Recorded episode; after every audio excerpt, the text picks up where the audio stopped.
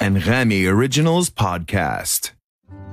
هيدي الحلقة برعاية دوف هير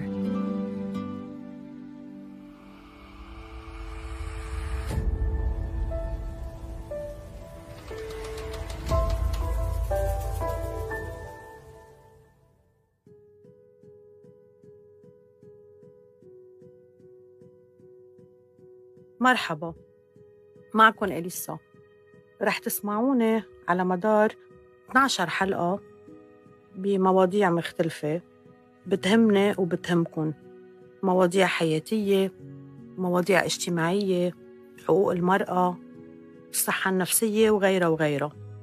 بس اليوم حبيت الحلقة تكون مخصصة عني. يمكن لتتعرفوا علي أكتر لتتعرفوا على الصفات والتجارب وال... وكل الأحداث اللي خلتني كون الشخص يلي أنا فيه اليوم. وأنغامي هي المساحة الأجمل والمفضلة عندي لنتشارك كل هالمواضيع. ليش عم بعمل هذا البودكاست اليوم؟ بدي أحكي عن تجارب ومواقف قطعت فيها نمت لي شخصيتي ونمت لي صفاتي يلي دايما بسمع الناس عم يحكوا عنها أو عم بيقولوا عني. إليسا بركة بنت قوية إليسا فنانة ذكية إليسا جريئة أو إليسا حساسة. وبالحقيقة شخصيتي كفنانة وكإنسانة ما بيتجزأوا. كل صفة نميت من خلال تجارب قطعت فيها بالحياة. ويمكن محلات كسرتني بس ما وقفت عندها. قدرت أتخطى كل شيء لأنه كان في بنية سليمة لتطوير شخصيتي من خلال عائلتي الصغيرة ومن خلال المدرسة ومن خلال تجاربي بالحياة. الشخصية بتولد بالفطرة مع الإنسان. يا بتتطور يا بتنقمع. أنا وقت عشت بمدرسة داخلي هالشي ساهم بتكوين شخصيتي. وبتكوين صفات حقيقة كتيرة عندي. يعني أنا بعدني مذكرة وقتها كنت داخلة كان في مسار اسمها سر سميرة. أه بتمنى تكون بعدها موجودة وتسمعنا شي نهار من الأيام. أه أثرت فيي كتير أو أثرت كيف أنا أتعاطى مع الصدق ومع الجرأة ومع هالشخصية اللي عندي إياها. نحن كنا بمدرسة مختلطة. ومرة صار في مشكل. وأنا كنت من الناس اللي عم يعملوا مشكل. فسمعت الضجة وإجت. فجمعتنا كلنا بتقلنا مين اللي عمل المشكل. قلت لها أنا كنت منهم. طلعت فيي وتبسمت وصارت ناطرة إنه غيري يقول أنا كمان ما قالوا. أنا الوحيدة اللي ما قصصتني والبقوة كلهم تقاصصوا وصارت كل مرة بيصير في مشكل بتعيط لي لتسألني لأنه عارفة إنه أنا رح أقول الحقيقة بتجرد. وهيدا الشيء آه، أكد لي إنه ما خاف من الصدق. وكون إنسان صادق. لأنه لقيت إنه الصدق نفعني بهالتجربة الصغيرة. ولما بحكي عن الشخصية بحكي عن الجرأة بحكي عن الصدق بحكي عن كون حقيقية. بعتقد إنه كل هالصفات جزء لا يتجزأ من الكاركتير تبعي. وفي حادثة تانية صارت بالمدرسة. أنا مرة هربت أنا واثنين من أصحابي.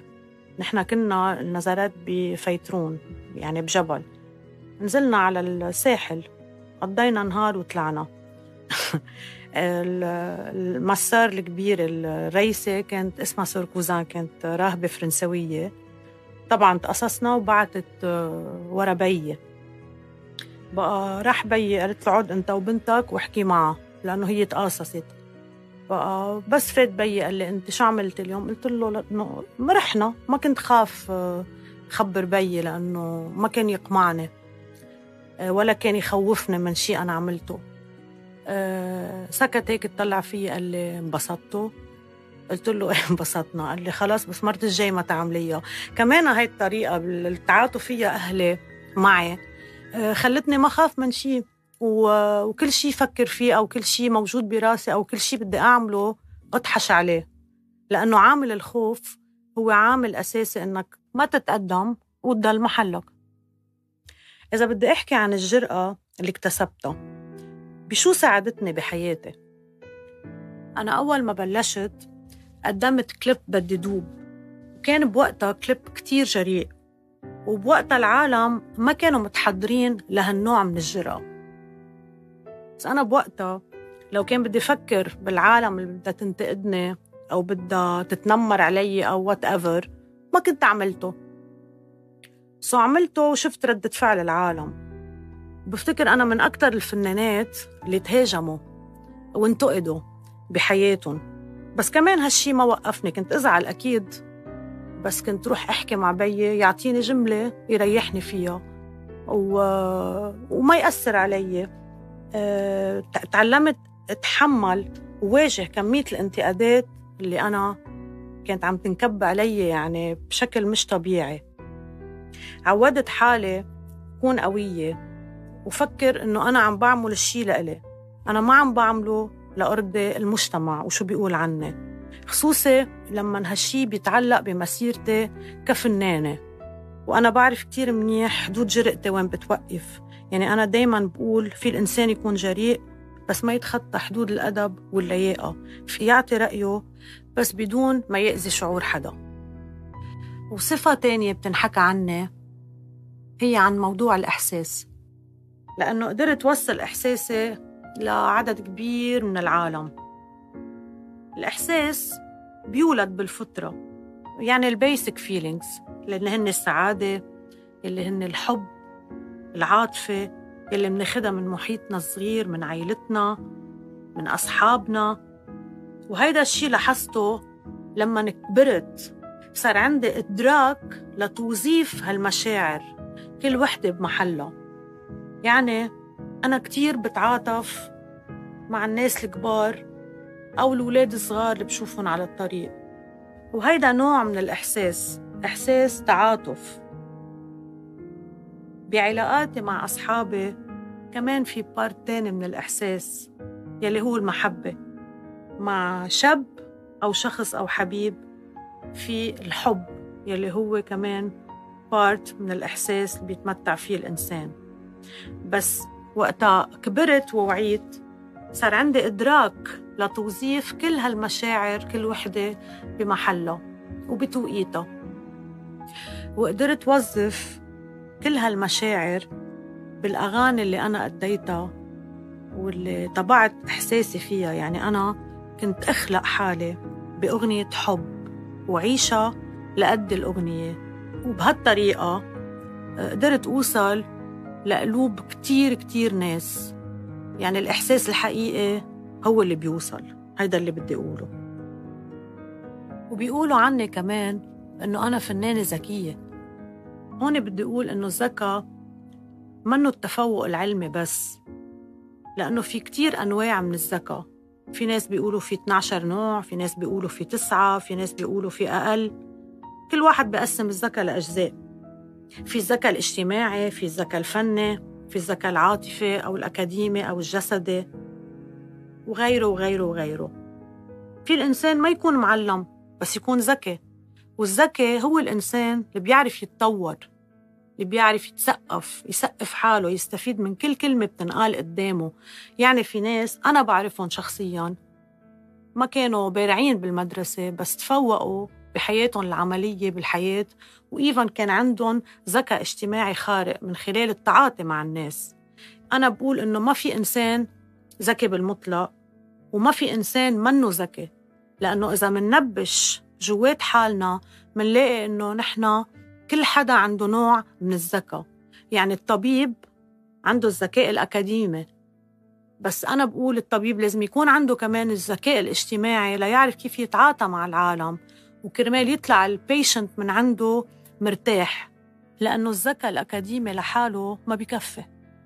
وهيدا الشيء اللي بيقدر كل إنسان يطور نوع الذكاء اللي عنده إياه. يعني إيفن في الذكاء الطبيعي يلي بيتعلق بالطبيعة آه، في ناس بحبوا هالشي فيهم يطوروه. في الذكاء العاطفي في الذكاء الرياضي إذا واحد بحب بحب يكون سبورتيف في يتطور ويدرس ويكون مدرب رياضة.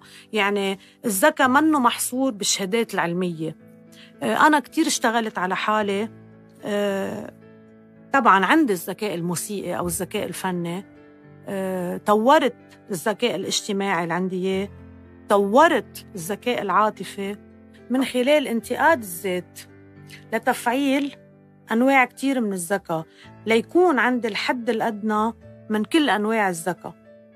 وهون كمان ما ترددت بمحلات كتير أنا بكون ما بعرف إنه يكون عندي حب الاطلاع وحب المعرفة يلي منقول عنها تثقيف الذات. وهيدا كمان نوع من أنواع الذكاء. وأخيرا قالوا عني أنا محاربة.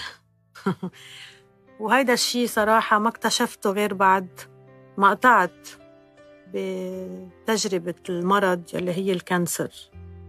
أنا أول ما عرفت بمرضي فكرت إنه خلص خلصت الدنيا عندي. بس رجعت استدركت واستجمعت كل طاقاتي ورجعت قمت. وقررت إنه ما بدي اوقف شغل ما بدي اوقف ولا شيء يعني لازم حارب هالنوع من المرض بروح معنوية عالية لأنه آه، الخوف وستريس وإنك تقعد بيزيد احتمالية المرض وإنك تواجه بمعنويات عالية وبدون خوف بخليك تشفى وتشفى بسرعة.